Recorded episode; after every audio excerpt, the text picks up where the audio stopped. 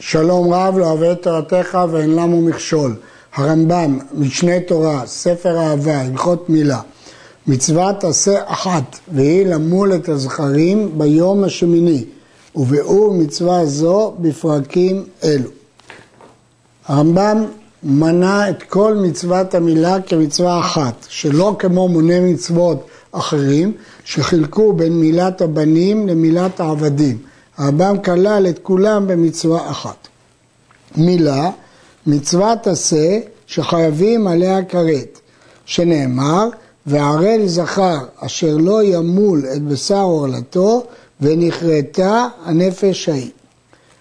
מילה ופסח הם שתי מצוות יוצאות דופן, שלמרות שהן מצוות עשה חייבים עליהן כרת. בדרך כלל רק על מצוות לא תעשה חייבים כרת. אבל יש שתי מצוות, כפי שהמשנה בכריתות אומרת, יוצאות מן הכלל, פסח ומילה, שלמרות שהן מצוות עשה, מי שלא מקיים אותם חייב כרת. ונראה בהמשך שזה מעורר שאלה מסוימת. ומצווה על האב למול את בנו. הגמרא במסכת קידושין אומרת, האב חייב בבנו למולו, דכתיב וימול אברהם את יצחק בנו. ועל הרב למול את כל עבדיו, יליד בית ומקנת כסף. בהמשך נראה את הפירוט של איזה עבדים הרב צריך למול, אבל גם זה כלול במצוות עשה של מילה. עבר האב או האדון ולא מל אותן, ביטל מצוות עשה. גם אדון שלא מל את עבדיו, ביטל מצוות עשה. ואינו חייב כרת, שאין הכרת תלוי, אלא בערל עצמו. החיוב כרת הוא לא על האבא, למרות שהוא מצווה למול את הבן, אבל אין עליו כרת, על האבא, ולא על האדון. ובדין מצווים למול את אותו הבן או העבד בזמנו, ולא יניחו ערל לא בישראל ולא בעבדיהם. כתוב בגמרא שאם אביו לא מל אותו, מחויבים בדין למול אותו, שנאמר, ימול לכם כל זכר. אין מולים בניו של אדם שלא מדעתו, אלא אם כן עבר ונמנע למולו, שבית דין מלים אותו בעל כוחו. המצווה מוטלת על האב, ולכן לא מלים בן בלי לידע את האב, רק אם האב נמנע אז מלים את הבן, אפילו בעל כוחו של אב. נתעלם הבית דין ולא מעלו אותו, לא האב מל ולא בית דין מל, כשיגדיל הוא חייב למול את עצמו. וכל יום ויום שיעבור עליו מי שיגדיל ולא ימול את עצמו, הרי הוא מבטל מצוות עשה, אבל אינו חייב כרת עד שימות והוא ערל במזיד. ובכן הרמב"ם מסביר, לא אב ולא אדון מצווים בכרת, אלא רק במצוות עשה, והם ביטלו מצוות עשה. אם הם לא מלו, בית דין ימול. אם בית דין לא מל, הבן חייב למול את עצמו כשיגדיל. ואם הבן לא מל את עצמו, מי שיגדיל, כל יום הוא נמצא בחיוב, בביטול מצוות עשה. אבל לא בחיוב כרת. למה? כי עדיין יש לו אפשרות למול. אבל אם הוא מת והוא ערל, אז הוא חייב כרת במזיד. כמובן שהכרת הזה לא תהיה משמעות במובן שנכרתו ימיו או בקיצור ימים, כי הוא כבר מת.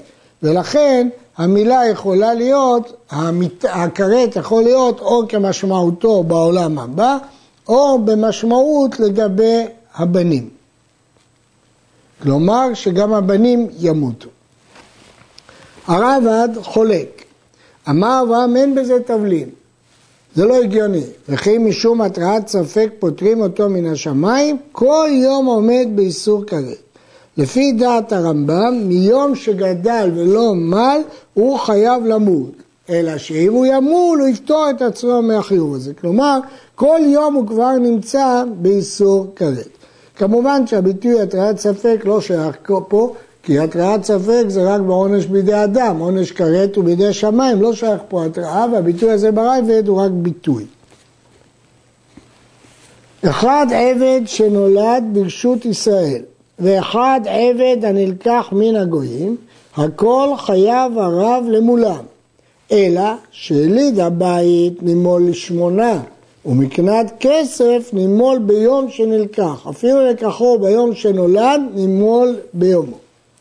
אם כן, יש הבדל גדול בין יליד בית למקנת כסף.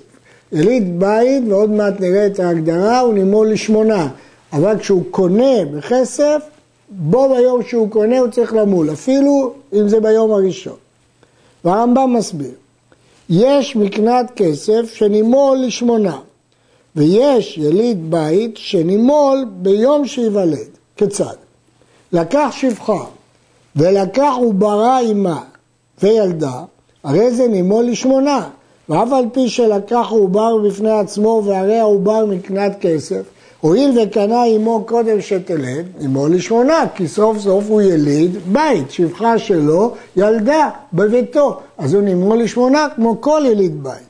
אבל מקרה אחר, לקח שפחה לעובריה, כלומר לא קנה את השפחה, רק שפחה לעובריה, או שלקח שפחה על מנת שלא להטבילה לשם עבדות, אם כן בעצם הוא קנה רק את העובר, אף על פי שנולד ברשותו, נימול ביום שייוולד, שהרי הנולד הזה כאילו מקנת כסף לבדו, כי אמו בכלל לא שפחה שלו. כאילו היום קנה הוא, שאין אמו בכלל שפחות ישראל כדי שיהיה בן יליד בית. כי הוא קנה את האם רק לעובריה, או שלא להטבילה לשם עבדות. ואם טבלה אמו אחר שילדה, הרי זה נימול לשמונה. זה דין מיוחד, שאם היא טבלה, נימול לשמונה, כך הם דברי הגמרא. הדבר הזה הוא מחלוקת המוראים בגמרא, אה, והרמב"ם פסק כדעה הזאת. יש דעות אחרות גם בגמרא, יש מחלוקת, רבן יונה, הריף לא הכריע כמי לפסוק, אבל כך פסק הרמב"ם. יש להעיר שהרמב"ם לקמן פוסק שיליד בית שלא טבלה עמו, מילתו לא דוחה את השבת. מתוך, מתוך כך מסיקים הראשונים וכן הרעב"ד כאן, וגם הר"ן כתב כך, שהרמב"ם מתלבט אם לפסוק כדעת חכמים או כדעת רב חמא שמחלק בין נטבילה ולא ילדה לילדה ו... אה, לבין נטבילה וילדה. שזה חילוק של רב חמא שחכמים לא הזכירו אותו. והריף לא הכריע, משמע שהוא הסתפק. ולכן הולכים לחומרה, שהוא נימול לשמונה, אבל לא מחללים עליו את השבת במילתו. וכנראה שהרמב"ם הלך עם הריף, ולכן לגבי לימול לשמונה הוא כתב שנימול לשמונה, אבל לגבי לחלל שבת הוא הכריע עליו שלא מחללים עליו את השבת. לקח עבד גדול מן הגויים ולא רצה עבד למול. מגלגלים עמו כל 12 חודש. יתר על כן, אסור לקיימו כשהוא ערל. אלא חוזר ומוכרו לגויים. כלומר, אם הוא לקח עבד מן הגוי, הוא יכול 12 חודש להשאיר אצלו עד שהעבד יחליט אם הוא מוכן למול או לא מוכן. אבל אם אחרי 12 חודש הוא החליט שלא למול, אז אי אפשר לקיים אותו יותר. ואם התנה עליו מתחילה והוא אצל רבו הגוי שלא ימול אותו, מותר לקיימו והוא ערל. אם לפני שהוא קנה איתו הוא התנה איתו שהוא לא ימול, מותר לקיים אותו ערל, בלבד שיקבל עליו שבע מצוות ויהיה כגר תושב. אבל אם לא קיבל עליו שבע מצוות, ייהרג מיד. ואין מקבלים גר תושב, אלא בזמן שהיובל נוהג. כתוב בגמרא, איזו עבד ערל שמותר לקיימו, זה של כחור רבו על מנת שלא למולו. אבל זה בתנאי שהוא קיבל עליו שבע מצוות בני נוח. לכאורה, משמע שזה בין אם מגלגל איתו 12 חודש ובין אם יתנה שלא ימול. כי כל מי שברשות ישראל צריך לקבל עליו שבע מצוות בני נוח. כך לכאורה. אבל בהלכות איסורי ביאה משמע שמדובר רק על מי שיתנה עליו שלא ימול. רק זה מקבל עליו שבע מצוות בני נוח. הרייבד משיג, יימכר מיד, כי אין לנו עתה להרוג איש. אז אם כוונת רבנו שאין ידינו תקיפה, זה לא השגה, שרבנו כתב את עיקר הדין. ולכן קשה להבין את דעת הרייבד. אלא אם כן אומר שלפי דעת הרייבד, היות ויכול לחזור למכור אותו לגוי, אין להרוג אותו. גר שנכנס לקהל ישראל חייב מילה תחילה. הגמרא הסיקה ביבמות שאינו גר עד שימול ויטבול, למרות שהאימהות מתגיירות בטבילה בלי מילה, אין דנים אפשר משאי אפשר. ולכן, אה, אם הוא זכר, הוא חייב למול. ואם מל כשהיה גוי, צריך להטיף ממנו דם ברית כשנתגייר. הגמרא לומדת את זה במסכת שבת, שצריך להטיף דם ברית. אם הוא יתגייר, ברגע שהוא יתגייר, למרות שהוא כבר נימול, צריך להטיף ממנו דם ברית. וכן קטן שנולד שהוא מהול, צריך להטיף ממנו דם ברית ביום השמיני. אנדרוגינוס, והוא הילוד שיש לו זכרות כזכר ונקבות כנקבה, צריך למול אותו בשמיני. וכן יוצא דופן, מי שיש לו שתי ערלות, מלין את שתיהן בשמיני. אז אם כן, גם אנדרוגינוס וגם יוצא דופן, גם מי שיש לו שתי ערלות, מלין את כל אלה בשמיני.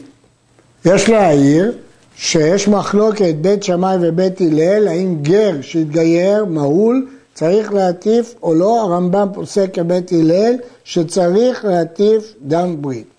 עוד יש להעיר שהגמרא התלבטה לגבי מי שיש לו שתי ערלות לגבי יוצא דופן, כי יש מהם ראשי רב אסי שרק מי שאמות מעל לידה נימול לשמיני, אבל הלכה לא כך, הלכה שגם שאימו לא טמאה לידה, כלומר יוצא דופן, מי שיש לו שתי ערלות, מלין את שתיהן בשמיני. אמנם זה לא נוגע לגבי חילול שבת, זה נראה בהמשך.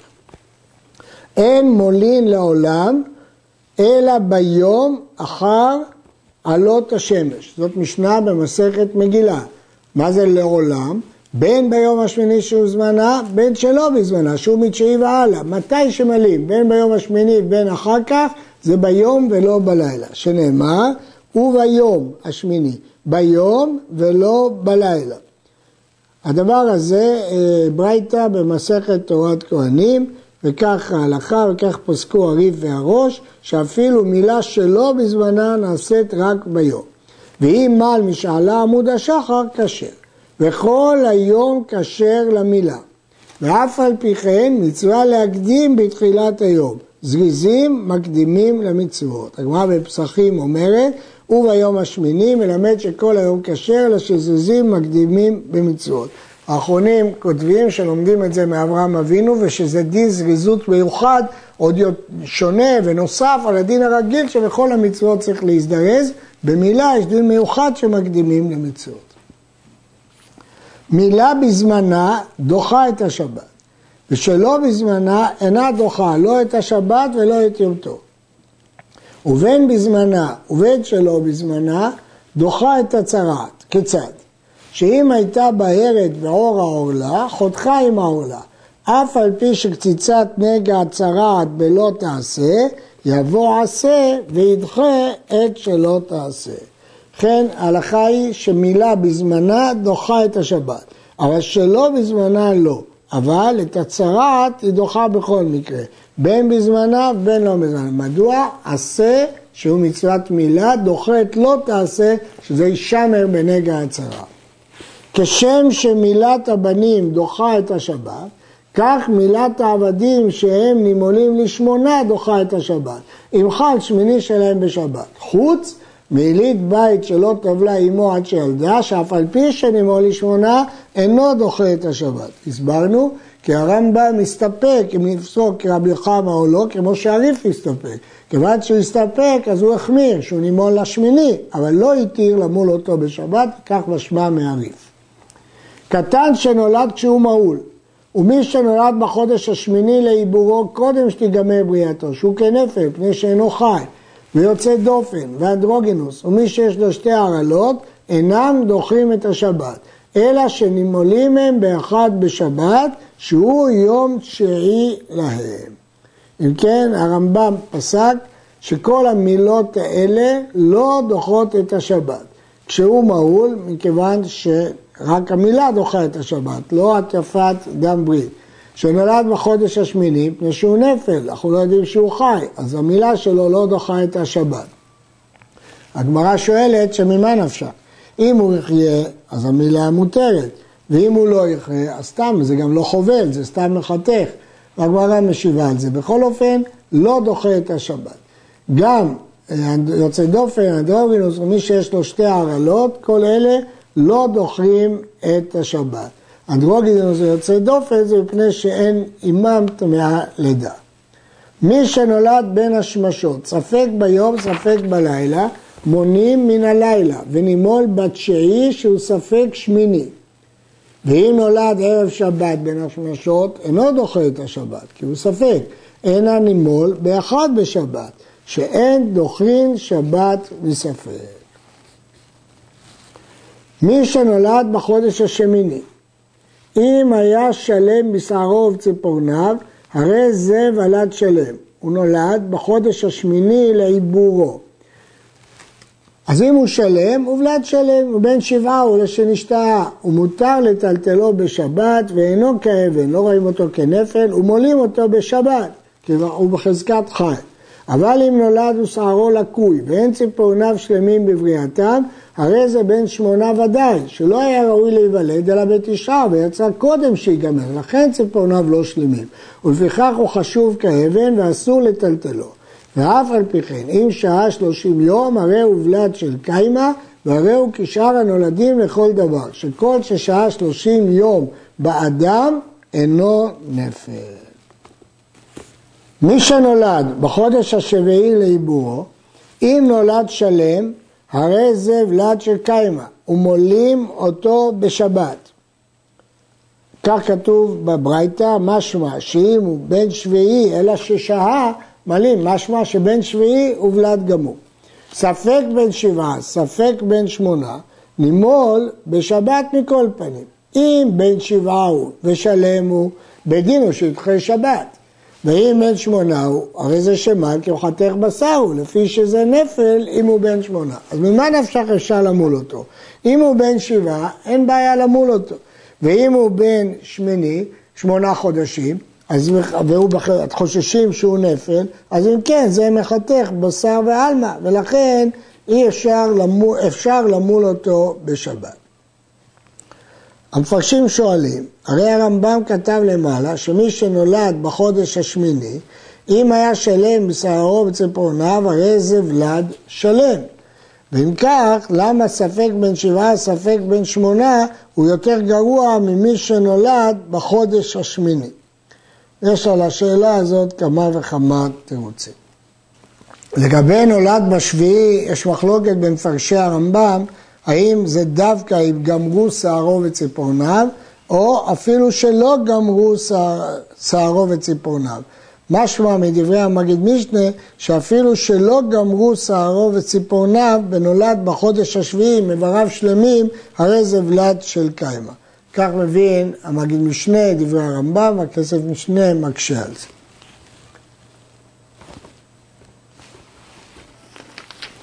הוציא העובר ראשו חוץ למעי אמו בין השמשות, אף על פי שלא יצא כולו אלא בלילי שבת, אין מלאים אותו בשבת. כיוון שראשו יצא, הרי הוא כילוד, ולכן הוא כבר ספק, כי זה בין השמשות. וכל מי שאינו דוחה את השבת, אינו דוחה את יום טוב ראשון, ודוחה את יום טוב שני. ובשני ימים טובים של ראש השנה, אינו דוחה לא את הראשון ולא את השני. וכן מילה שלא בזמנה אינה דוחה שני של ראש השנה. אז אם כן, יש לנו שני מצבים. מצב, מצב אחד של ספק, נולד בין השמשות, הוא לא דוחה את השבת והוא לא דוחה את היום טוב. למה? כיוון שהוציא את ראשו, זה נקרא קהילוד. הכלל שכל מי ש... לא דוחה את השבת, לא דוחה את יום טוב, נובע מהמשנה המפורשת בפרק רבי אליעזר דמילה בשבת, כתוב נולד בין השמשות של ערב שבת נימול לעשרה, יום טוב של ראש שנה נימול לאחד עשר. במשנה כתוב ששני ימים טובים של ראש השנה נימול לשנים עשר. ברמב"ם מבין שמכאן שהוא הדין לכל מי שלא דוחה את השבת, שהוא דוחה יום טוב שני של גלויות. אבל בשני הימים טובים של ראש השנה הוא לא דוחה כפי שמפורש במשנה. הראש בתשובה חולק על רבנו, תשובה כ"ו, וסובר שמילה שלא בזמנה לא דוחה אפילו יום טוב שני של גלויות. ואי אפשר להוכיח במשנה שנקטה שני ימים טובים של ראש השנה כי היא דיברה בארץ ישראל, אז זו הדוגמה היחידה של שני ימים. אבל אם היה בחוץ לארץ, אז גם בשני ימים של טוב, יום טוב לא דוחים. אבל לפי הרמב"ם, מילה שלא בזמנה לא דוחה שני ימים של ראש השנה, אבל דוחה את יום טוב שני של גלויות. מחלוקת הרמב"ם והראש. חולה, אין מולים אותו עד שיבריא, ומונים לו מעת שיחיה מחוליו שבעת ימים מעת לעת, ואחר כך מלים אותו. כלומר, אחרי שיבריא, מונים אותו עוד פעם שבעה ימים מעת לעת. במה דברים אמורים? שחלצתו חמה וכיוצא בכל איזה. אבל אם כאבו לו עיניו, בעת שהתפתחו עיניו וירפאו, מולים אותו מיד, וכן כל כיוצא בזה. קטן שנמצא בשמיני שלו ירוק ביותר, אין מולים אותו, עד שיפול בודיו ויחזור מרעיו כמראה הקטנים הבריאים. זה המשמעות של צהבת היום, שצבע ירוק או צהוב, כשהוא מאוד צהוב, לא מלים אותו. וכן אם היה אדום ביותר, כמי שצבעו, אין מולים אותו עד שיבלע בו דמו ויחזור מרעיו כשאר הקטנים, מפני שזה חולי הוא. וצריך להיזהר בדברים אלו הרבה, ואין מולים אל הילד שאין בו שם חולי, שסכנת נפשות דוחה את הכל, ואפשר למול לאחר זמן, ואי אפשר להחזיר נפש אחד מישראל לעולם. לכן צריך להזדהר, לא להסתכן ולא לסכן את הילד בדבר הזה. וכפי שאומר הרמב"ם, אם הוא צהוב, ירוק ביותר, או אדום ביותר, אז יש לו בעיה בדם ואי אפשר למול אותו כי זאת סכנת נפשות. אישה שמלה בנה ראשון ומת מחמת מילה. שהכשילה את כוחו, וכן מעלה השני הוא מת, כן מחמת המילה. בין מבעל זה, בין מבעל אחר, הרי זו לא תמות את השלישי בזמנו, אלא ממתינים לו עד שיגדל מעט ויתחזק כוחו. אנחנו חוששים שיש לו בעיה תורשתית, כעובדה ששני הבנים של האימא אה, מתו, וזה מעיד על מחלה תורשתית שעתידה לפגוע, עלולה לפגוע גם בבנים האחרים, ולכן ממתינים לו עד שיגדיל, ורק אז מלים אותו. עד כאן.